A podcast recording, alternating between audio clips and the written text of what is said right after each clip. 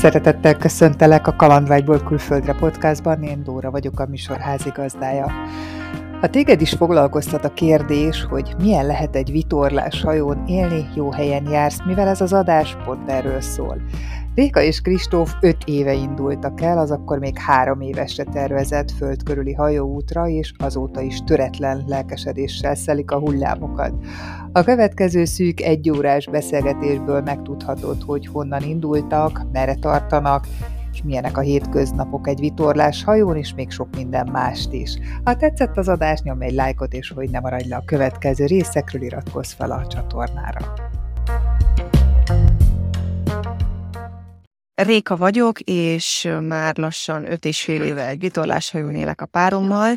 Kettesben nagyon lassú utazással földkörüli úton vagyunk. Hát kevés nagyobb kalandot tudok elképzelni annál, mint hogy vitorlással körbehajózzátok a földet. Hogyan jött az életetekbe, főleg a tiédbe a vitorlázás, mert azt tudom, hogy Kristóf már korábban is vitorlázott. Hát igen, az én életemben valójában Kristóf által érkezett ez, a, ez az egész dolog. Valójában Kristóf sem volt annyira tapasztalt tengerész, amikor elkezdtük ezt az egészet, de neki több ilyen tengerközeli élménye volt, meg amúgy, hát hozzám képest több gyakorlata volt a vitorlázásban is. És amikor eldöntöttük, hogy ezt megcsináljuk, vagyis hát pontosabban ez úgy működik, hogy az, hogy valaki leköltözik egy hajóra, legalábbis a mi esetünkben ez nem úgy zajlott, hogy most kitaláltuk, és akkor egy hónapon belül mi már szeltük a hullámokat. Ez rengeteg munka, alapból megvásárolni egy hajót, és eljutni mondjuk karrier szempontjából is oda, hogy aztán úgy élj, hogy nem kell minden nap bejárnod az irodába. Ez rengeteg munka és nagyon sok áldozattal jár.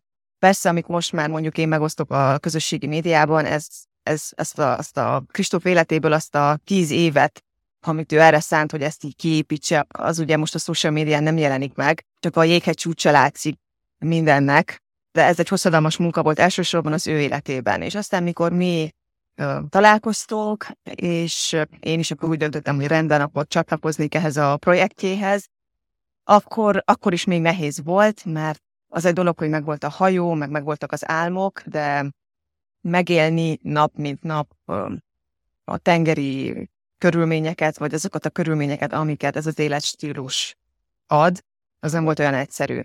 Én egyszerültem vitorláshajón, mielőtt leköltöztünk a hajóra, úgyhogy nekem ez teljesen, teljesen új volt, és nagyon, um, hát számomra nehéz volt, nehéz volt megtanulni ezt, mert mindent a saját bőrömön kellett megtapasztaljak.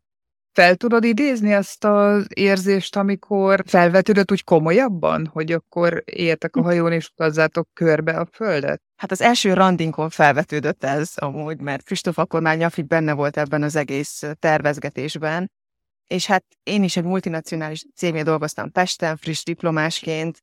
A mi valóságunkban, vagy az én valóságomban ez, ez nem volt egy reális dolog. És akkor ő is így elővette a Google Maps-et, és akkor így elkezdtem mutogatni, hogy akkor így fog menni, úgy fog menni, itt hajózik át az Atlanti óceán.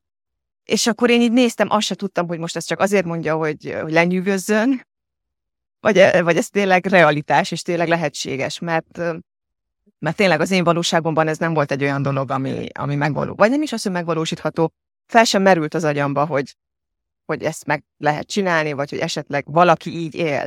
Persze, hogyha aztán egy kicsit utána nézünk, és valaki érdekelt ebben a témában, akkor rengeteg vlog van amúgy a YouTube-on, meg itt-ott, amúgy most már egyre több, főleg angol nyelven, ezekről, vagy ilyen jellegű dolgokról, hogy családok élnek hajón, gyerekekkel, szólóban, minden, minden típus megtalálható már a vizen is ez Kristófnak tíz évébe került, hogy eljusson oda a tervezéstől, hogy elindulhattatok?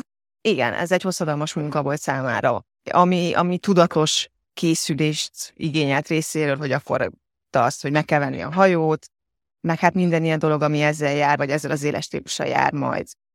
Ettől függetlenül ugye napjainkban is dolgozunk a hajóról, mert ugye meg kell élnünk valamiből, Valószínűleg más típusú költségeink vannak, mint amúgy a szárazföldön, mert például mi nem fizetünk, nem tudom, áramot, vagy a vízért nem fizetünk, ugye meleg víz, mert ugye szolárpaneljeink vannak a hajón, az édesvizet is úgy érjük, hogy van egy vízgépünk a hajón, ami a sós vízből édesvizet csinál, szóval mondjuk vizet se kell külön vásárolni, meg hát mondjuk nincs albérletet sem kell fizetnünk, mert a hajóval általában mi horgonyon vagyunk, szóval ledobjuk a horgont egy öbölben, és akkor ott gyakorlatilag ingyen állunk. Szóval más típusú költségeink vannak, mert ugye ugyanakkor a hajóra valamennyi pénzt el kell költeni, mert ez folyamatos, ez egy folyamatos munka a hajó, hogy folyamatosan karbantartsuk. A költségekre ki akartam térni, de ha már itt szóba hoztad, összegszerűsíteni is tudod, hogy nagyjából mennyi a havi kiadásotok? Hát, hogyha minden rendben van a hajóval, akkor gyakorlatilag csak az élelmiszerre költünk. Arra, amit megeszünk, meg mondjuk, nem tudom, ruházatra, tudod, ezek az ilyen alapdolgok, amiket amúgy a szárazföldön is megveszel.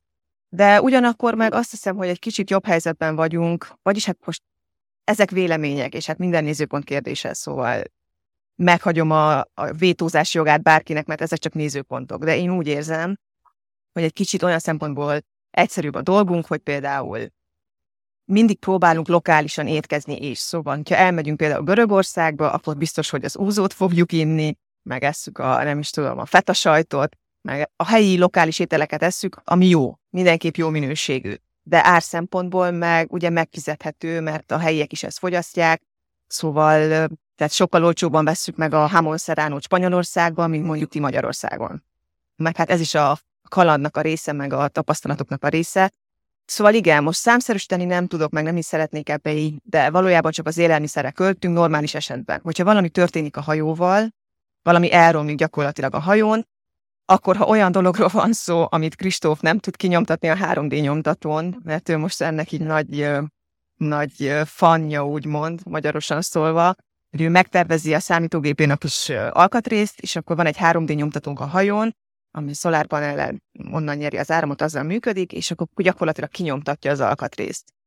És már rengeteg ilyen dolgot megcsinált, és ezzel is rengeteg pénzt spórolunk, szóval, mert ugye a hajó alkatrészek azok mindegy, hogy miről van szó, ha hajós, az már drága. Egyszerűen, még ha egy nagyon kis gagyi dologról beszélünk, még akkor is sokkal drágább, mint hogyha mondjuk egy szárazföld, egy autónak vennénk alkatrészt. Ez valamiért ez, ez így, így alakult ki. Meg hát igen, a másik költség az mondjuk, ami fix költség, az az internet, mert a hajóról dolgozunk, szóval szükségünk van internet kapcsolatra, és azt is úgy oldjuk meg jelenleg, hogy ahogy kikötünk egy helyre, akkor megveszük a helyi SIM-kártyát, és akkor azt használjuk. Általában az a leg, legideálisabb, de most meg már egyre elterjedtebb az Elon Musk által kifejlesztett Starlink internet, amit a hajókon is lehet használni, az pedig korlátlan internetet biztosít nekünk, gyakorlatilag még az óceán közepén is. Most ugye egyre több szatelitet tőnek fel, egyszerűbb lesz akkor úgy az életünk, hogyha mi is beszerezzük majd azt a készüléket. Jelenleg még nincs, de valószínűleg, hogyha kimegyünk a csendes óceánra, ott már nagyobbak lesznek a távolságok szárazföld nélkül, kb. mondjuk 30 nap is lesz egy átkelés Panama csatorna után. Ott már valószínűleg használja válik ez, a, ez, a, ez az Elon Musk féle internet. Mennyi időre terveztétek az utat? Hát alapból, amikor leköltöztünk a hajóra, akkor hát, környezet, amiben mi felnőttünk, a, a, a, mindenkinek ilyen vizes, vizes lepedőként hatott mindenkire, mint ha ráhúztuk volna a vizes lepedőt, mert hát én is a hegyekből származom, abszolút semmi közünk soha nem volt a hajózáshoz, meg a vízhez. Átfolyik egy körös, a, vagy egy ilyen kis folyó az én szülő falumban is, a községen, de így konkrétan semmi közünk nem volt a vízhez, és így a környezetünknek is egy ilyen sok hatás volt, hogy úristen, miért, hogy, mi lesz. Teljes újdonság volt. És akkor ugye mondani kellett valamit, és azt mondtuk, hogy jó, hát akkor három év. Három év alatt ezt megcsináljuk, és akkor meglátjuk, hogy mi lesz. Három évre terveztük. De aztán úgy alakult, hogy ugye a hajó az egy, ez egy 50 éves klasszikus vitorláshajó, és bár egy jó, jól megépített hajó, de nem volt használva nagyon sokáig az előző tulaj által, úgyhogy nagyon sok munka volt rajta. És mivel gyakorlatilag Kristóf újította az én szellemi támogatásommal, vagy lelki támogatásommal, ezért a munka sem ment annyira gyorsan. Szóval ugye időigényes volt ez is, meg időközben tanultuk is a dolgokat, szóval nem az volt, hogy, hogy tapasztaltként levegyünk egy hajóra, és akkor klikpak mindent megcsinálunk, nem, ez, ez hosszadalmas folyamat volt. Szóval gyakorlatilag három évig szinte csak a földközi tengeren voltunk. És aztán mentünk ki ugye a, a Gibraltáren az Atlanti óceánra, és akkor utána, ahogy kész lett a hajó, ahogy már biztonságosnak éreztük mi a hajót, utána már felgyorsultak a, a dolgok, mert akkor már bátrabban kimentünk egy kicsit szelesebb időben is, meg hát az is idő, hogy megismerd a hajót. Minél többet élsz a hajón, egyre jobban megismered a hajót, jobban bízol a hajóba, és valahogy már úgy tekintesz rá, mintha egy családtag lenne. Mert hogy, mert hogy mikor kim vagy a nyílt vízen, több napig nem látsz szárazföldet, vagy több hétig mondjuk egy atlanti átkelés során, akkor úgy, úgy nem is tudom, egy olyan leírhatatlan érzés alakul ki a hajóval kapcsolatban, és hogy érzed, hogy véd, erősödik a szél, nőnek a hullámok, de ott van a hajó, ami, ami gyakorlatilag fizikai, fizikailag megvéd téged. Ez is egy olyan dolog, amit én eddig soha nem tapasztaltam meg a szárazföldön, mert szárazföldön, hogyha nem élünk mondjuk hurikánzónába, akkor soha nem is féltjük az életünket se. Normális körülmények között ugye nem félted úgy gyakorlatilag az életet fizikailag. De azért kinn a vizen, én, hogyha visszaemlékszem, a tapasztalatlanságom miatt, mert most már visszatekintve kicsit, most már másképp látom a dolgokat, de az elején minden dolog nagynak és nehéznek tűnt, és félelmetesnek tűnt. És hát igen, volt olyan, hogy úgy éreztem, hogy úristen, féltem az életem.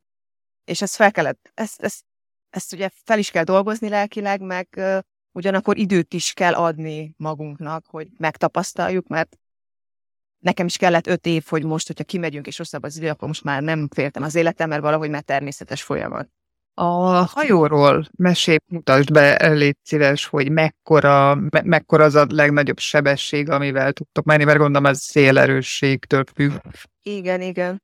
Hát a hajó az egy 70-es években készült angol hajó, 48 lábas, ami 15 méternek felel meg hosszúságra, szélességre 4 méter, és két árbóca van, szóval nem egy árbócos, hanem két árbócos, ezért ha nagyon belemegyünk a vitorlás szakszavakba, akkor ezt catchnek nevezzük. Szóval típusa szempontjából catch vitorlás hajó, mert két árbócos.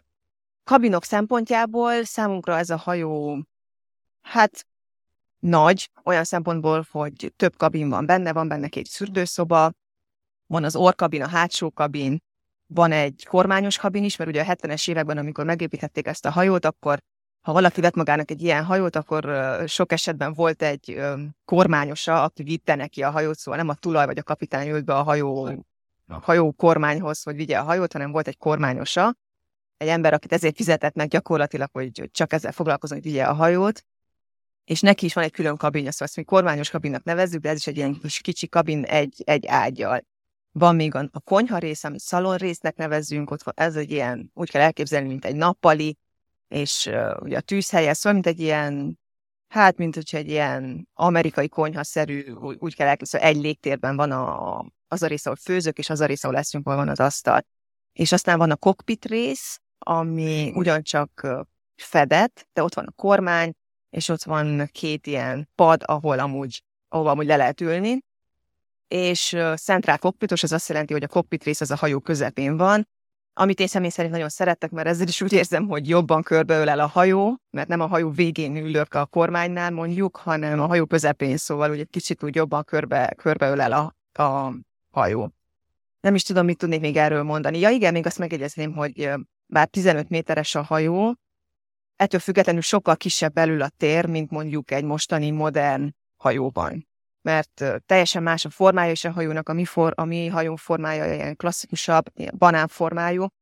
A mostani modernebb hajók inkább szélesebbek, mint hosszúak, szóval ö, sokkal többen a tér. Most már a hajóépítésben is inkább, hát azt mondom, hogy inkább a kényelemre, de hogy fontosabb a kényelem, mint mondjuk eddig. Mondjuk a 70-es években a más dolgok voltak a fontosabbak, mondjuk most egy hajón. Szóval a tér az benne sokkal kisebb, kb. mondjuk, mint egy 36 lábas mostani, modernebb hajó. Annyi terünk van bent nekünk a 48 lábas hajóba. Jól gondolom, hogy minden feladatot neked is ugyanúgy kell tudnod, mint Kristófnak, hiszen hogyha bármi gond van, mondjuk a Kristó lebetegszik, nem tudom, valami miatt akadályozva van abban, hogy irányítsa jött, akkor neked kell helytállni. Tehát ez valóban így van? Igen majdnem azt mondtam, hogy sajnos igen. De így van. És ez az elején számomra egy külön nehézség volt, mert, mint ahogy már korábban említettem, abszolút semmilyen tapasztalatom nem volt, nem csak a vitorlázással kapcsolatban, de így a, alapból az, hogyha mondjuk horgonyon vagyunk, és csak hajón élünk, vagy így, ilyen, ennyire természetközeli életben sem volt tapasztalatom, és ahogy inkább telt az idő, egyre inkább rájöttem arra, hogy mennyi mindent nem tudok, és ezzel egyre inkább nőtt a, a, a szorongás bennem, őszintén szólva. És hát igen, persze, hogyha kim vagyunk a vizen, és netán Kristóf belesik a vízbe, vagy bármi történik vele, akkor akkor nekem kell vinni a hajót, nekem kell őt visszahúzni valahogy a fedélzetre, és ezek tudod, nem olyan dolgok, hogy most nem tudom, lefújja a szél a tetőt, és akkor két napig egy kicsit esik be az eső, de amúgy fizikailag vagy a testi épségünk egyáltalán nincs veszélyben. Nálunk a hajón ez sokkal, sokkal extrémebb. Szóval, ha valami történik, akkor, akkor gyorsan kerülhetünk akár életveszélyes helyzetbe is. De ugyanakkor szerencsére nem volt erre példa, mert mi nagyon, nagyon óvatosan, hát mi mai napig sem, mert attól függetlenül, hogy a hajó már jó állapotban van, mindig nézzük, folyamatosan nézzük az időjárás előrejelzést, nem megyünk ki, hogyha úgy érezzük, hogy ez már egy kicsit sok. Valószínűleg a hajó kibírná. A hajó az sokkal többet kibír, mint, mint a legénység a, a fedélzeten. Mert a hajó, hogyha fel van készítve, tudod, hogy, hogy mit kell csinálnod a vitorlákkal, ha erősödik a szél, ha, ha tudod kezelni a hajót, a hajó véd téged, és, és ha fel van készítve a hajó, akkor a hajóval nem lesz gond. De bent, ugye, mint ember, megélni azt a Hát azt a stresszt, mert amúgy ez egy, ez egy stressz valamilyen szinten, hogyha hallod, hogy nem tudom már 50 csomós kín a szél, ami mondjuk 100 km per óra, és látod, hogy már 5 méteresek a hullámok, akkor még ha 100%-osan bízol a hajóba, akkor is, akkor is ez egy stressz helyzet az embernek. És sok esetben épp nézegetem így, ugye a karib is sokszor látok ilyen, ilyen híreket, hogy menteni kell az embereket a hajókról. És sok esetben az van, hogy a hajóval nem is történik semmi, szóval nem az van, hogy süllyed a hajó. Persze olyan is előfordul, de általában az a helyzet, hogy így az emberek megijednek, és ezért kihívják a mentő, mert ugye van egy ilyen mentő alakulat, aki kijön, és akkor helikopterre vagy, vagy hajóval elvisznek téged, te hajódozat végül is védelembe helyeznek, biztonságba helyeznek, és sok esetben van az, hogy a hajó az teljesen jó állapotban van, de egyszerűen a legénység bepánikol, és akkor úgy érzi, hogy oké, okay, jobb, hogyha elhagyják a hajót, mert már nem bírják tovább ezeket a körülményeket. Ezek olyan dolgok, amiket így, így fel kell dolgozni lelkileg, meg alapból az volt az elején, hogy végig, még hogyha biztonságban voltunk is, én legalábbis, ha visszaemlékszem, akkor is van egy, egy nagyon elnyomott stressz érzés benned. Most már nincs, de kellett hozzá öt év, hogy ezt úgymond kinőjen, vagy megszokjam. Mert például bemegyünk egy öbölbe, ledobjuk a horgonyt most mondjuk jó az idő, de nem tudod, hogy helyspecifikusan esetleg erősebb a szél, mert megdobja a hegyeszelet, és akkor így öt percen belül ott találod magad, hogy hoppá, csúszik a horgonyod, megint egy ilyen, egy ilyen stressz helyzetben vagy, hogy akkor gyorsan meg kell oldani, és általában minden probléma éjszaka történik. Szóval folyamatosan megvan benned az, hogy oké, okay, bármilyen pillanatban beüthet valami probléma, amit hirtelen meg kell oldani, és jól kell megoldani, mert mert nincs második lehetőséget, hogy most akkor ez nem sikerült, akkor megpróbáljuk még egyszer. Mert ugye ez a tenger, meg az időjárás, az nem ad neked haladékot.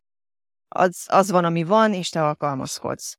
De akkor ne nagyon jók vagytok ebbe, hogyha az öt év alatt még nem adódott soha olyan helyzet, amikor azt érezted, hogy úristen, veszélyes dolog. Volt. Hát volt, persze, hogy volt. Például Horvátországban az első évben, amikor leköltöztünk a hajóra, pont téli éjszakra költöztünk le, és nem akartunk kikötődíjat fizetni, szóval úgy döntöttünk, hogy jó, akkor horgonyon leszünk Horvátországba télen, fűtés nélkül a hajón, ami nem volt egyszerű, ilyen három fok volt bent a kabinban, meg ilyenek, szóval Jackie-be alvás, meg sapkába alvás, az ilyen természetes volt.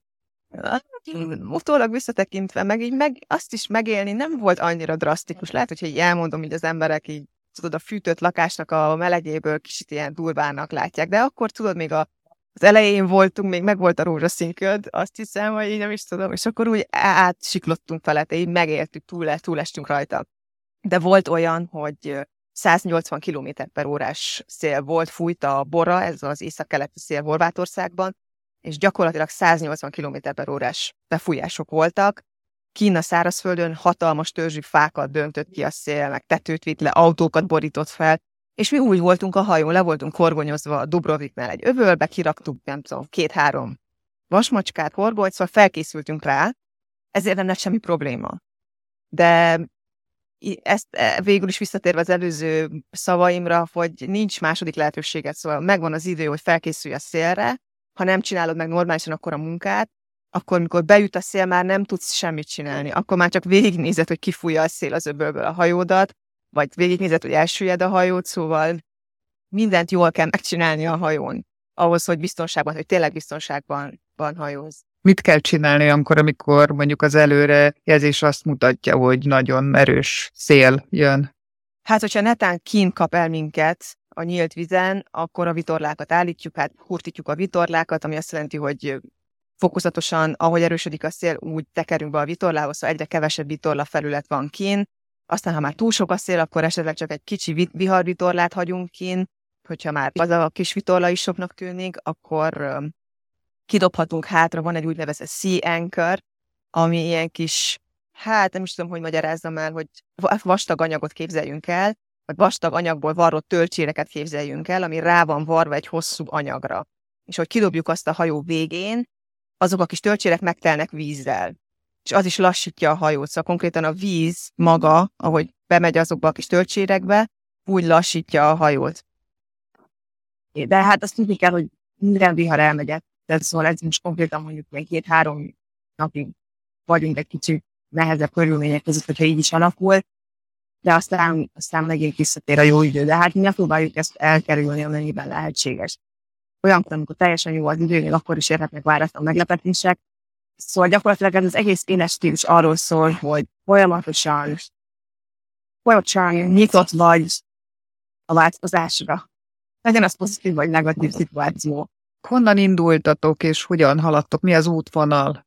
Horvátországból indultunk, észre Horvátországból, aztán a elején még ugye próbáltuk szokni ezt az egészet, meg dolgoztunk folyamatosan a hajón, akkor lementünk a Dubrovnikig, és aztán ugye a leg, szinte a legdélebbi része Horvátországnak, és aztán onnan átmentünk Olaszországba, Báriba, és aztán onnan átmentünk Görögországba, ahol elmentünk Rodoszig, ami szinte Törökországhoz nagyon közel kis sziget, ott kiemeltük a hajót, Kim volt a hajó majdnem egy évet, dolgoztunk a hajó alján, teljesen lecsiszoltuk a hajót, a vízvonal alatti rész üvegszálig, újra festettük a, a rétegeket, ez az alga, gászó, festékkel, különböző ilyen festékekkel, amit ilyenkor használnak, és, és aztán onnan megint végigmentünk a teljes vörös szigetvilágon, Szicília, Szardinia, és hát összekülönösen végig a szigeteken, aztán Palma de Mallorca, Ibiza, és a Spanyol, Spanyolország kontinentális része, aztán Gibraltárnál álltunk még egy ideig, onnan pedig kimentük a Gibraltári szorosról, hogy elértük az Atlanti óceánt, a Portugáliának a déli részénél volt még valamennyi idő, aztán a Madeira, a Kanári-szigetek, Zöldfoki-szigetek, és a Zöldfokiról hajóztunk át Dél-Amerikába, Francia Guyanába érkeztünk meg, az Atlanti átkeléssel, és akkor onnan elindultunk megint észak irányba. A Szurinámba voltunk egy ideig, aztán Trinidad Tobago, és akkor úgy végig a Karib, a szigetláncon, a Karib térségnek a szigetein végig bukáltunk.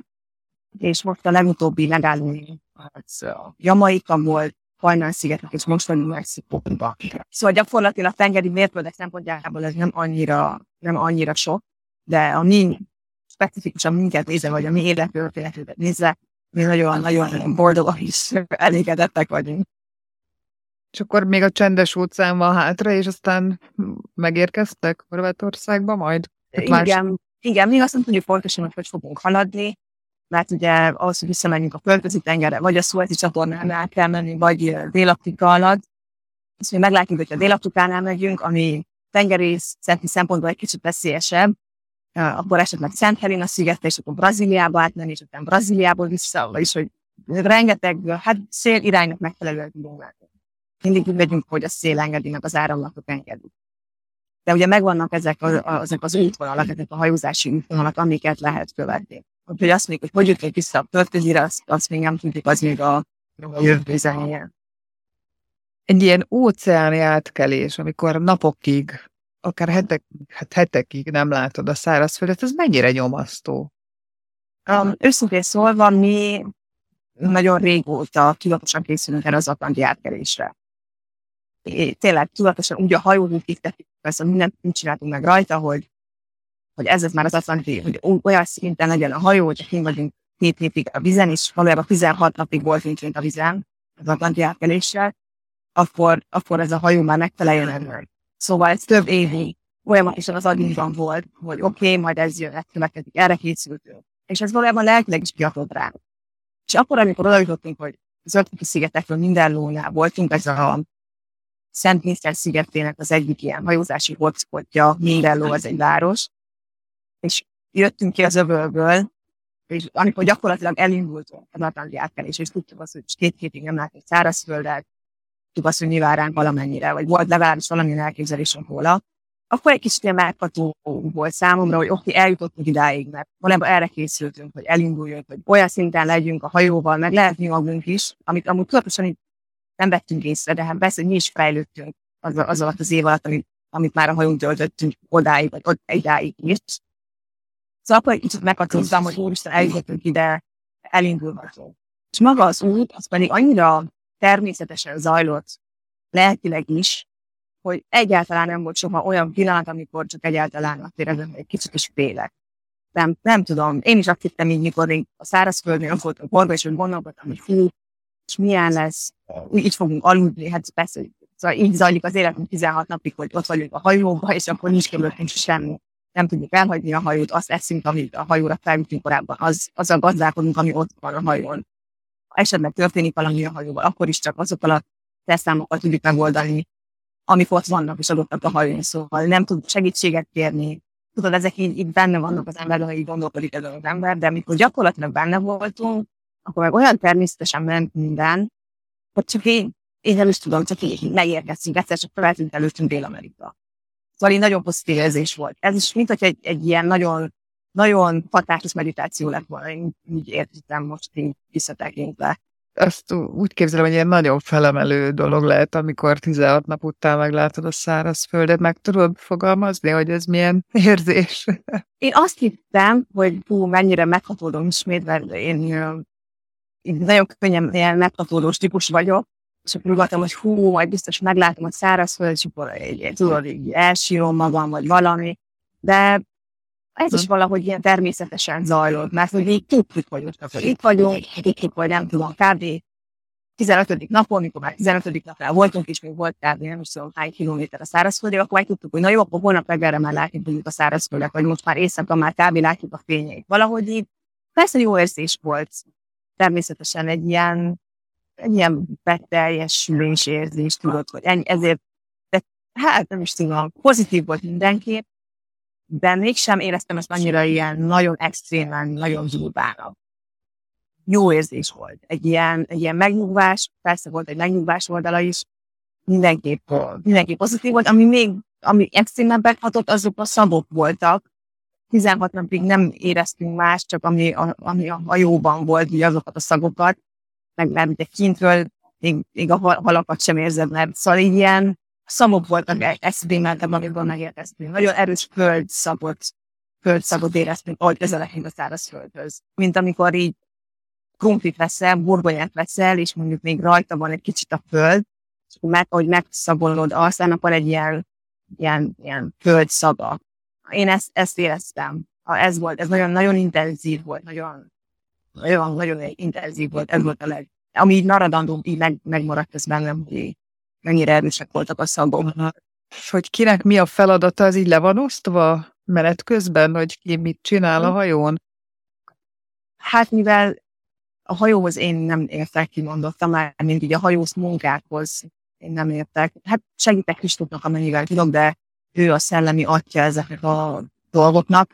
Valamilyen szinten le van osztva, szóval amikor úton vagyunk, akkor alapból, amíg megy a hajó, valakinek mindig éppen kell lenni a hajó. És mivel mi ketten vagyunk a hajón, ezért ezt úgy oldottuk meg, hogy 6 óránként vágjuk egymást.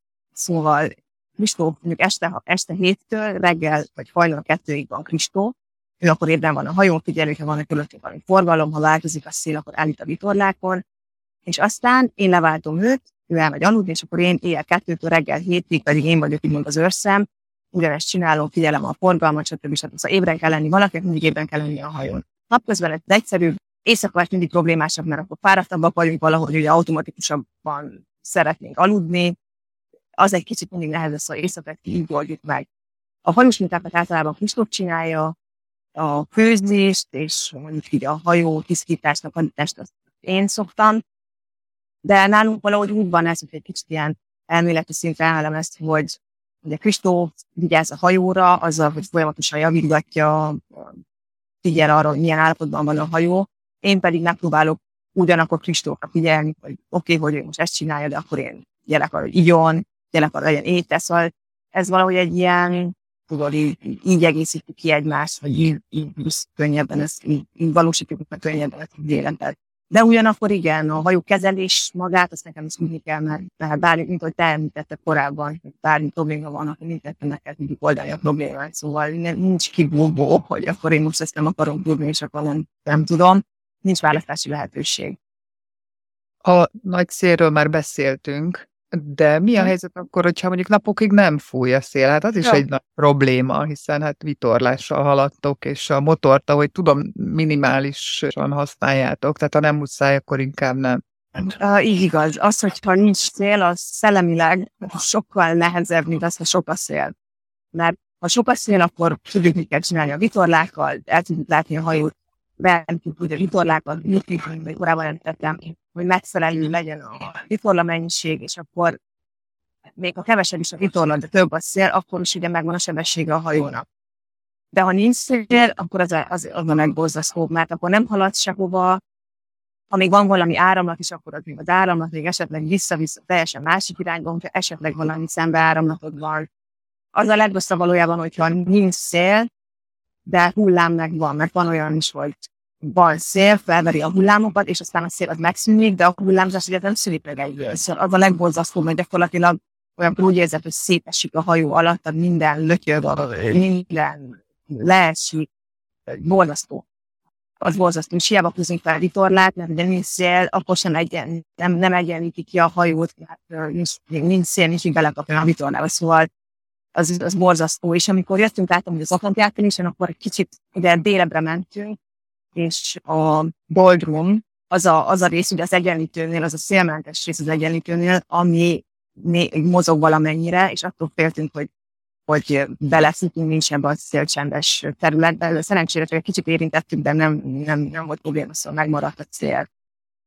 Épp annyira, hogy még tudtunk vele haladni. Hogyha kiköttök, most például, vagy befutottatok Mexikóba, ott mennyi időt maradtok, úgy általában egy-egy helyen? Hát elsősorban mindig mielőtt elindulunk egy helyről, akkor több környező, potenciális országnak is körülnézünk, ahol esetleg ki tudnánk kötni. Ez elsősorban azt jelenti, hogy megnézzük, hogy milyen színirányunk van, akkor először annak megfelelően tudjuk eldönteni, hogy melyik irányba tudunk menni mostanában, vagy ebben a régióban.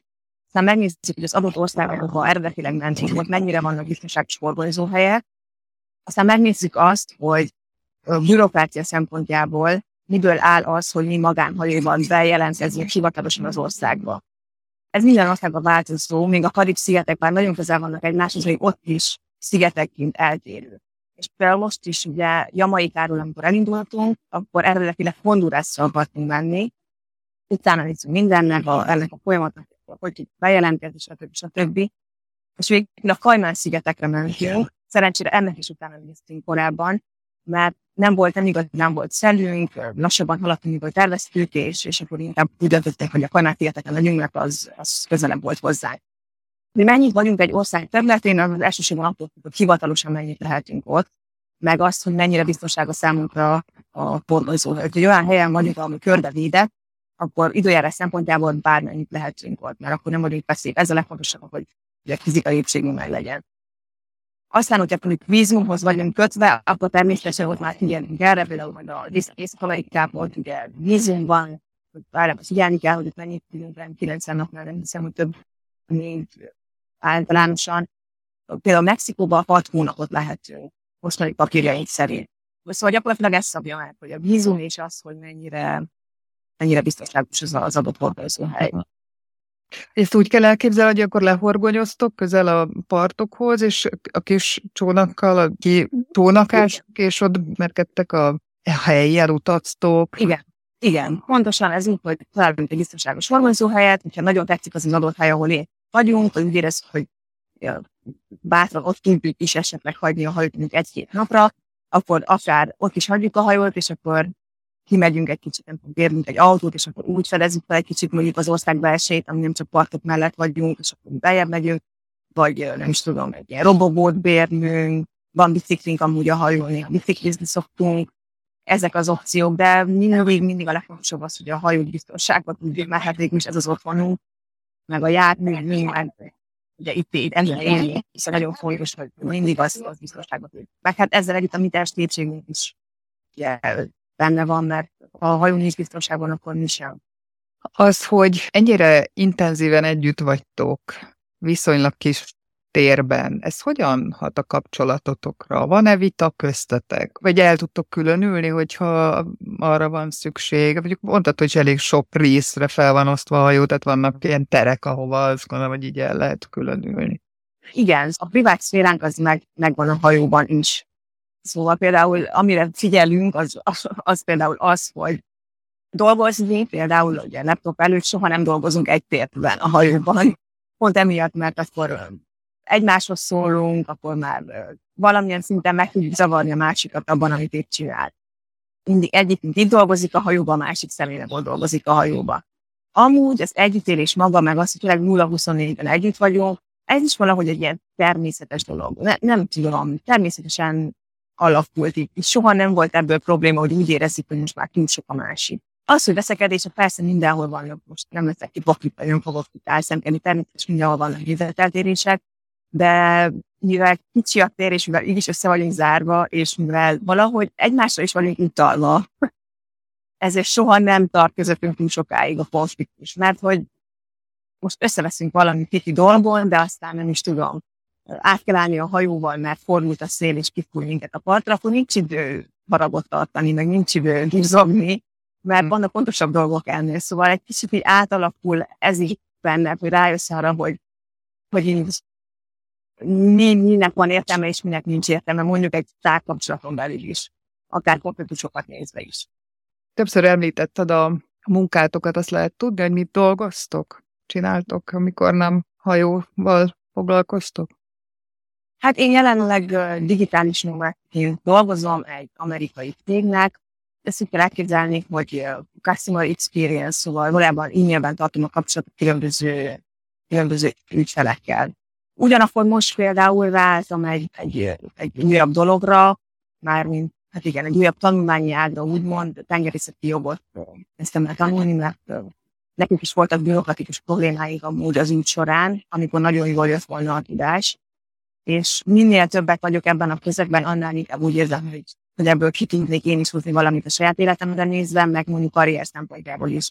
Szóval most például tanulni is elkezdtem a hajón, meg hát nekem voltak ilyen kis mini projekteim is, például fotókiállításokat szerveztem, akkor, amikor leköltöztük a hajóra, én egy kisebbségben nőttem fel Romániába, és uh, a szüleinknél is ezt láttam példaként, hogy ők nagyon sok uh, ilyen magyarság erősítő programot szerveztek az adott községben, ahol mi élünk, vagy a szüleink most is élnek, és akkor valahogy nekem ez így, így, adta magát, hogy jó, hogy én is hajón fogok élni, akkor miért ne vinnék én is valamit a diaszporában élő magyaroknak?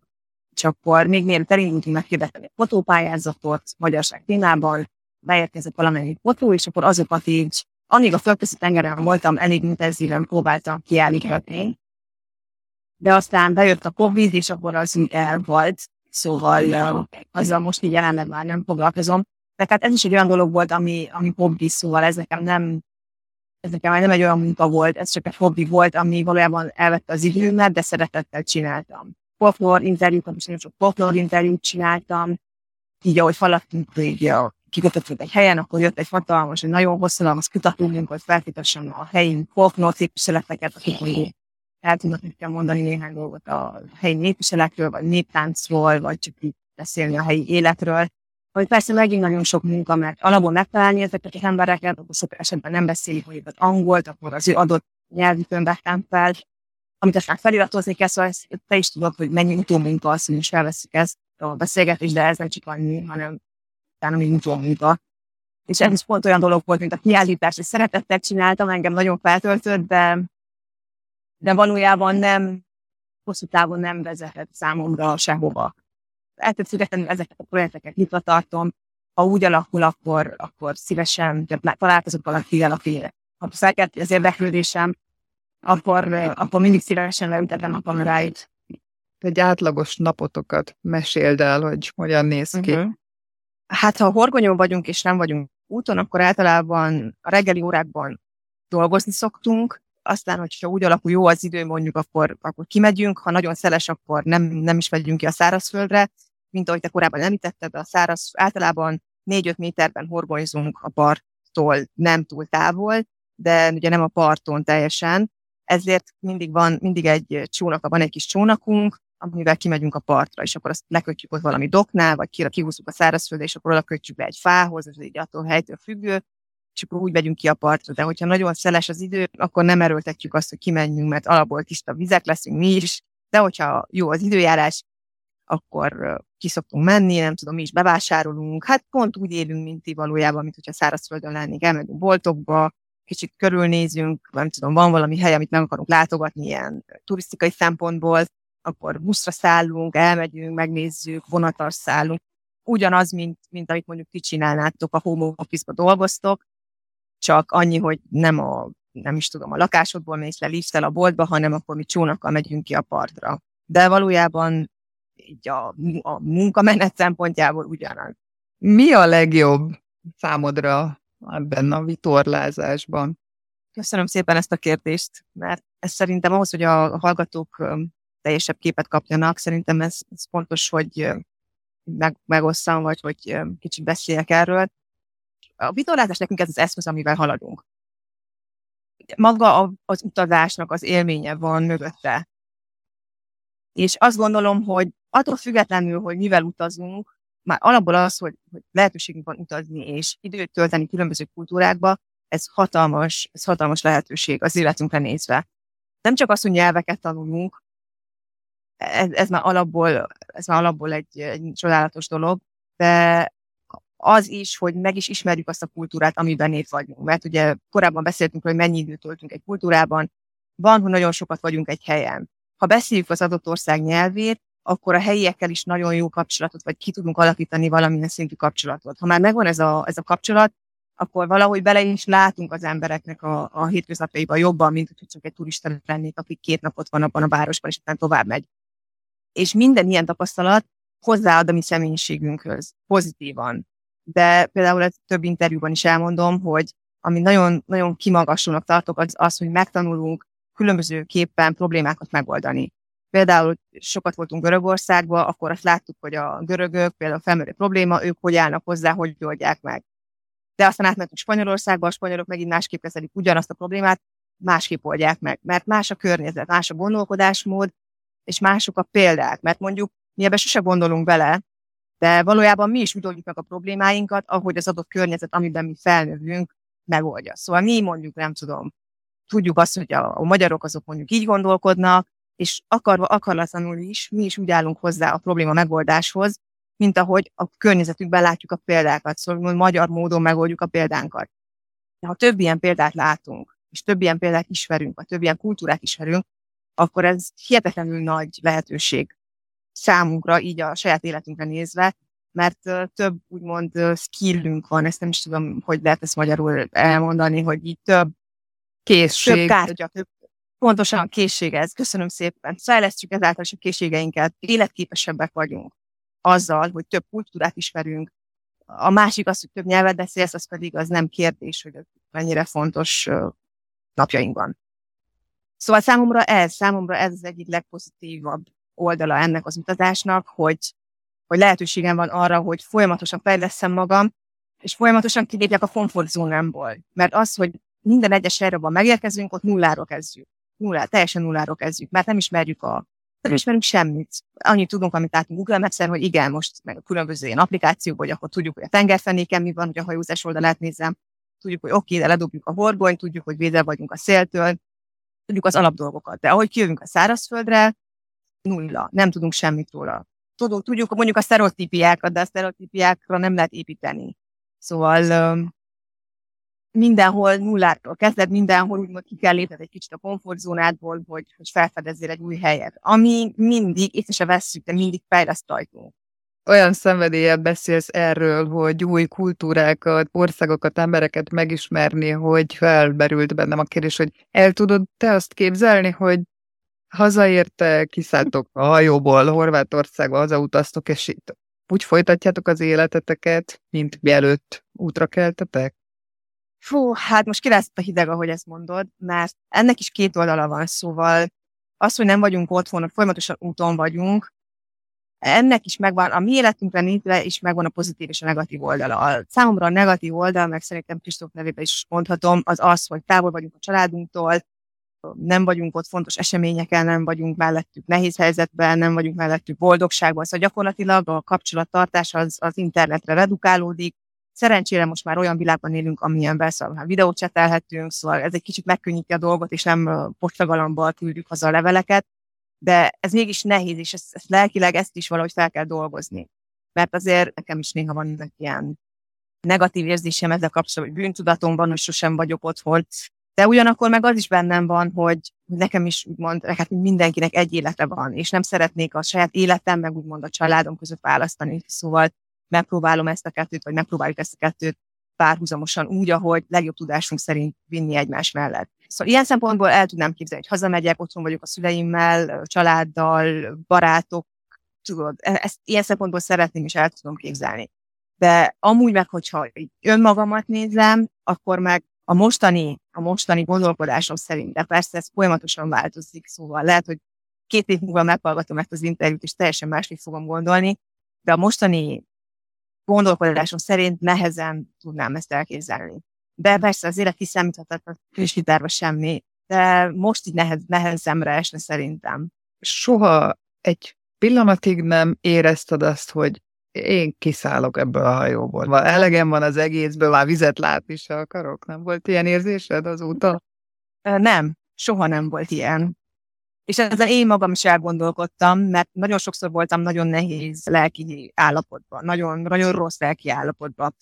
Tényleg ezen a hajón, vagy ebben az éles stílusban voltam a legmélyebben lelkileg, és ezt nem túlzok. De soha nem, nem gondoltam arra, hogy ezt abba hagyjam soha, soha nem gondoltam arra, hogy ezt, hogy ezt, ezt hogy megfutamodnék, és ezt nem akarom csinálni. Ez lehet azért is van, sőt, valószínűleg 80%-ban vagy 90%-ban Kristóf lélek jelenlétének is köszönhető, mert ő tényleg az a személy, aki ha probléma is van, akkor is mosolyogva és türelmesen mondja azt nekem, hogy figyelj, vedd a mentő mellényt, és ha ki kell ugrani a hajóból, akkor kiugrunk. Nem látok rajta soha pánikot. És ez nagyon-nagyon sokat ad nekem is, mert mert bízok benne is, meg az ő tudásában is, és öt éve vagyunk ugye a hajón, és soha nem hagyott cserben. Szóval biztos, hogy ez hozzátesz ahhoz, hogy soha nem fogalmazódott meg bennem, attól függetlenül, hogy voltak nehézségek, hogy abba hagyjam ezt az egészet. Ha csak egyet egyet-egyet kéne kiválasztanod a sok élményből. Meg tudod-e mondani, hogy mi volt a legnehezebb és majd a legszebb, legjobb pillanat az öt év alatt? Hát a legnehezebb élménynek azt mondanám, amikor Gibraltárnál voltunk, és a Gibraltári szikla környékén horgonyoztunk. Ez kb. most két-három éve volt, március környékén, és bejött egy nagyon erős keleti szél, ami alapból erős volt a szél, de a Gibraltári szikla az még megdobta ezt a szelet, szóval egy gyorsulási zóna volt az a, az, az öbből, ahol mi horgonyoztunk, és éjszaka nagyon megerősödött a szél, sokkal durvább volt, mint amire számítottunk, és akkor éjszaka kellett fölvenni a horgonyt, sötétben, én ültem a kormánynál, Kristóf kiment a hajó orba, hogy akkor felvegyük a horgonyt, közben fújt egy ilyen 100 km per órás szél, szóval nem is láttuk egymást, nem is hallottuk egymást, és nagyon nehéz, az nagyon nehéz volt, és az úgy, az úgy megmaradt nekem emlékként, hogy az így nagyon nehéz volt, és akkor emlékszem, hogy elindultunk széllel szembe, hogy átálljunk az öböl a másik oldalára éjszaka, és 1100-as fordulatszámon volt a motor, ami normál esetben ilyen 10 km per órát ad a hajónak, kb. annyi olyan sebességet, 10 km per órával megyünk olyankor, annyi fordulatszámon normál esetben. De annyira erős volt a szél, volt egy pillanat, hogy a hajó megállt, mert bejött egy erős befújás, jött egy ilyen hatalmas, nagyon erős pöft, szélpöft befújás, és konkrétan megállította a hajót úgy, hogy közben a motor 1100-as fordulatszámon ment volna a szél szembe és akkor így látod a GPS-en, hogy nulla a sebességed, de te közben nyomod a motor, akkor így rájössz, hogy úristen, mibe vagy, tudod. Mert az egy dolog, hogy hallod a hangokat, hogy süvít a szél, de amikor fizikailag látod, hogy megállít egy ekkora hajót a szél, és nulla a sebesség, hmm. akkor az úgy, az úgy, úgy tudatosítja benned, hogy micsoda ereje van a szélnek is akár ez volt egy negatív példa. De aztán ugye ez is elmúlik, kipihened, és akkor már kicsit az idő az megszépíti a dolgokat, de ez egy nehéz éjszaka volt, és csak egy éjszaka volt. Ami pozitív példa, Hát a vitorlázás, amikor jó idő van, akkor az egy álom. Szóval minden egyes vitorlázás, amikor süt a nap, és jó szelünk van, és megfelelő irányból jön a szél, és nem nagyok a hullámok, az minden egyes ilyen élmény pozitív. De egy szárazföldi élményt említenék, Görögországban voltunk, és nem tudom megmondani pontosan melyik szigeten, egy nagyon kicsi szigeten, és mi ugye lenhorgonyoztunk az öbölbe, és béreltünk nagyon olcsón egy, egy ilyen kis motort, és akkor felmentünk a hegy, hegynek a tetejére. Ilyen gyönyörű kis, kis görög falucskát képzelj el, és felmentünk, és sétáltam az utcára, és akkor még nagyon intenzíven csináltam a folklor interjúkat, és nagyon-nagyon keresni akartam valakit, akivel helyileg tudok beszélgetni kicsit a, a folklorról. És eljutottam egy öreg nénihez, aki egyedül lakott már, nem tudom, nagyon, nagyon régóta, a gyerekei diszidáltak Amerikába, szóval egyedül élt a nő, nem is beszélt, nem is beszélt angolul, görögül beszélt, egy ilyen, nem is tudom, egy 75 éves néni képzelj el. És akkor így valahogy így ilyen, ugye nem beszélünk görögül, de ilyen jelmutogatással, így valahogy így közelebb kerültünk hozzá, és végül oda jutottunk, hogy így behívott hozzá, mutogatta a képeit, olyan szeretettel fogadott minket, mint hogyha kb. legalább az unokái lettünk volna. És készültek is amúgy fotók, és hogy így nézem most is a nénit azokon a fotókon, így berakott egy virágot, letépett egy szellem, és tudom, mi volt ott neki egy kis virág, és benyomta egy a fülem mögé. Tudod, és olyan szeretettel nézett rám, és számomra is feltöltődés volt, mert így mutogatott képeket, és így a képek által így kicsit beleláttunk a falunak a múltjába, hogy neki is rakodalma volt, és akkor két napig buléztak kinn a téren, mit tudom én, az 50-es években, és ugye voltak képek róla. Szóval én is kaptam valamit, bár nem is értettem a nőt százszázalékosan, hogy mit mond, de valahogy úgy éreztem, hogy mi is adunk neki valamit azzal, hogy ott vagyunk, és legalább, nem tudom, egy órán keresztül ott vagyunk és beszélgetünk vele. Szóval ez egy, ez egy ilyen örök élmény maradt számomra, hogy így, tudod, amikor így valahogy kicsit részese leszel annak a dolognak, ami, amibe amúgy normál esetben nem tudsz belelátni. És sok ilyen élmény van amúgy, és hát- minden ilyen maradandó élmény akkor jön, amikor így, így tényleg odamész az emberekhez, és velük próbálsz kommunikálni. És nem az ilyen csillogás, villogás, szóval ezeket az élményeket nem a, nem tudom, ötcsillagos hotelekbe kapod meg, hanem ki kell menni az utcára, és akkor ott az árussal beszélgetsz, meg a, tudod, a, a hétköznapi emberek, engem azok érdekelnek. Én ezek által töltődöm fel. Valóban én is azt látom, hogy egyre többen vágnak neki ilyen vitorlás útnak. Én is tudok olyat, aki családostól, gyerekekkel kell útra. Mit tanácsolsz annak, aki ezt fontolgatja? Hát én mindenképp azt tanácsolom, hogy az én példámmal ellentétesen szerezzenek egy kis gyakorlatot. Mert sokkal könnyebb lesz nekik a dolguk, hogyha úgy kerülnek a saját hajójukra, hogy már tudják, hogy mi micsoda tudják kezelni a hajót, és valamennyire el tudják képzelni, hogy milyen ez az éles stílus mert még az, aki benne van ebben valamilyen szinten, még azt is érik váratlan meglepetések olyankor, amikor tényleg fizikailag ráköltözik a hajóra, és 0-24-ben évekig hajónél. Szóval én elsősorban mindenképp ezt tanácsolom, hogy, hogy adják meg magat, maguknak azt a lehetőséget, hogy, hogy, hogy képezzék magukat, hogy legyenek valamennyire tudatában annak, hogy mire vállalkoznak. A mi esetünkben nekem ez nem volt, mert Kristófnak szerencsére megvolt, de személy szerint mindenkinek könnyebb, hogyha, hogyha nem teljesen nulláról indulnak úgymond a vitorlázás, vagy a vitorlás életbe. A másik dolog, amit kihangsúlyoznék, az az, hogy ahhoz, hogy könnyebb legyen ez az élet a hajón, mindenképp ajánlom azt, hogy minél több nyelvet tanuljanak meg az emberek, és hogy legyenek nyitottak erre a nyelvtanulásra, mert én magam beszélek néhány nyelvet, de Kristóf nálam is több nyelvet beszél, és az egy lenyűgöző élmény, hogy nem is tudom, Spanyolországban spanyolul beszélt, a zöldfoki szigeteken beszélte a portugált, és akkor áthajóztuk a szélvilágot, úgymond, a túlzással, de hogy átjöttünk az Atlant, 16 napig kim voltunk a vízen, aztán megérkeztünk Francia Guyanába, ahol franciául beszélnek, és Kristóf meg franciául is beszél.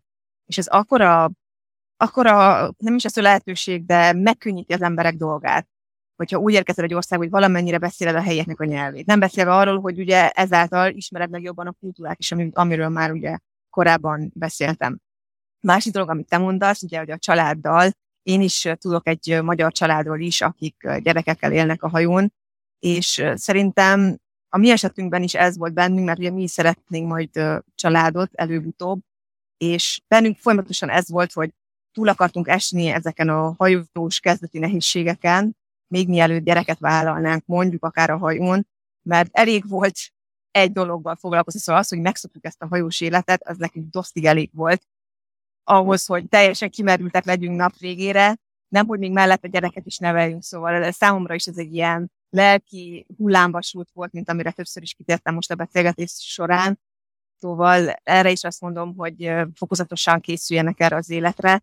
lehet gyerekekkel is. Ugye példa mutatja, a magyar család is él gyerekekkel a hajón, de hogy így idő kell ahhoz, hogy az ember megszokja ezt a környezetet, hogy megtanulja azokat a dolgokat, amik létfontosságúak ahhoz, hogy biztonságosan éljen a hajón. Szóval, hogy, hogy adjanak maguknak időt, és hogy bátran tanuljanak, hogy a, az intellektuális részét ezeknek a dolgoknak ne spórolják le, mert a tudás az, az a legfontosabb ebben az éles stílusban is, hogy a nyelvek azok mindenhonnan visszaköszönnek, hogy fontos a nyelvtudás, úgyhogy ilyen szempontból egy szerencsés egybeesés, hogy azért több nyelv van a tarsójunkban, és ezt az életet éljük.